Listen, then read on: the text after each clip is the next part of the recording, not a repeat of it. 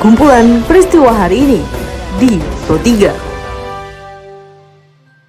Halo pendengar, selamat berjumpa kembali di podcast Pro 3 RRI dengan kumpulan peristiwa yang terjadi pada hari ini. Seperti biasa, pada podcast saat ini saya akan mengulas isu-isu aktual yang tentunya masih hangat juga ramai diperbincangkan di sekitar kita. Tentu saja pendengar nanti akan saya hadirkan cuplikan informasi dari reporter kami. Saya Tika Nantia, inilah kumpulan peristiwa Pro 3 di ruang dengar Anda. Pendengar seperti biasa sebelum masuk ke dalam beberapa isu aktual yang akan saya hadirkan saat lagi, saya mengundang Anda terlebih dahulu untuk mampir ke laman berita kami di rri.co.id. Anda juga bisa follow dan berkomentar langsung di sosial media kami di Instagram, Twitter, juga Facebook dengan mengetik RRI Programa 3 di kolom pencarian Anda. Pendengar Kementerian Pendidikan dan Kebudayaan ini meluncurkan forum pengarah vokasi atau rumah vokasi sebagai bagian dari rangkaian program yang diprioritaskan. Menteri Pendidikan dan Kebudayaan Nadiem Makarim mengatakan pentingnya sinergi antara pendidikan vokasi dan dunia usaha.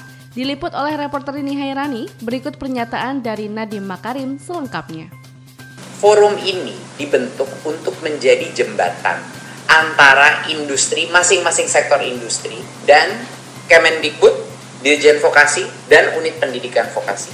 Forum pengarah vokasi ini adalah suatu forum yang dinamis yang akan senantiasa terus berkembang dengan begitu banyaknya variasi daripada sektor-sektor industri di Indonesia yang terus berubah dan dia akan memberikan mempercepat atau mengakselerasi pernikahan massal antara industri dan unit pendidikan. Informasi lainnya, pendengar calon penumpang pesawat di Bandara Soekarno-Hatta saat ini tidak lagi memerlukan surat izin keluar masuk atau SIKM. Untuk mengganti SIKM, saat ini calon penumpang diminta untuk mengisi informasi kesehatan mereka melalui aplikasi online e-health card. Diwawancarai oleh reporter Immanuel Christian, berikut penjelasan lebih lanjut dari Direktur Jenderal Perhubungan Udara Kementerian Perhubungan Novi Rianto dengan eh, persyaratan-persyaratan yang ada di dunia penerbangan karena kita bersama dengan gugus tugas dan P2P kita sudah mempunyai yang namanya EHAC ya Electronic Alert Card itu yang wajib diisi eh, baik eh, secara daring maupun eh, secara nyata ya ditulis pakai tangan begitu.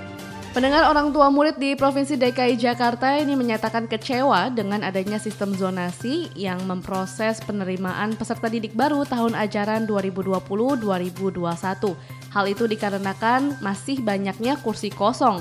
Diwawancarai oleh reporter Noviana Gebi, berikut pernyataan dari Tuti Aryani, salah satu orang tua murid yang menyatakan kekecewaannya kecewa banget ya masalahnya saya tuh dapat sekolahnya jauh jauh gitu nggak di wilayah saya saya di tinggal di Jakarta Selatan sedangkan anak saya dapetnya di Jakarta Timur. Itu kemarin lewat jalur prestasi dibela-belain tuh nilai dengan nilai 77 gimana dapetnya ternyata dapet di Jakarta Timur. Nah setelah tahap akhir ini kok banyak bangku kosong di wilayah saya? Jadi ya kecewa banget lah. Harapannya jangan ada lagi sistem PPDB kayak gini lagi deh. Apalagi jalur jonasi yang ternyata umur patokannya. Maunya sih tetap nilai aja gitu kayak tahun-tahun yang lain. Kalau mau masuk negeri ya harus bagus nilainya.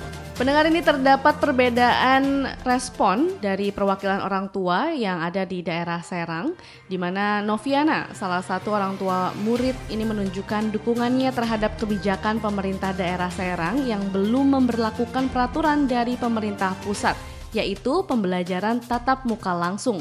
Dilaporkan oleh reporter Nasruddin, inilah pernyataan dari Noviana selengkapnya karena mungkin anak-anak belum memahami sepenuhnya mengenai social distancing ataupun physical distancing dan menjaga kebersihan serta wajibnya memakai masker. Pendengar seperti biasa, ini merupakan informasi terkait dengan update kasus yang diakibatkan oleh pandemi COVID-19 di Indonesia.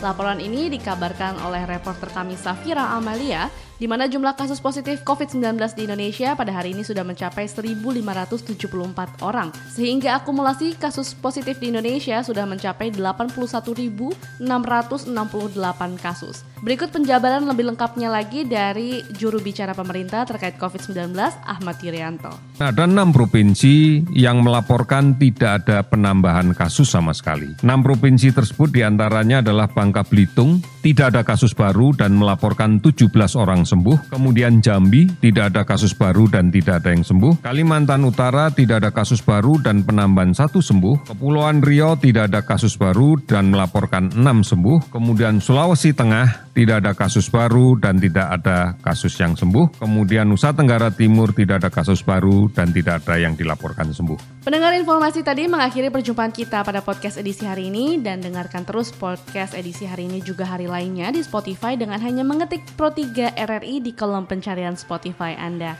Tetaplah menjaga jarak pendengar, ikuti protokol kesehatan dengan baik, teruslah mengikuti berita terupdate di Pro 3 RRI. Saya Tika Nantia undur diri, sampai jumpa. Jalanan ibu kota DKI Jakarta masih Kumpulan peristiwa hari ini di Pro 3.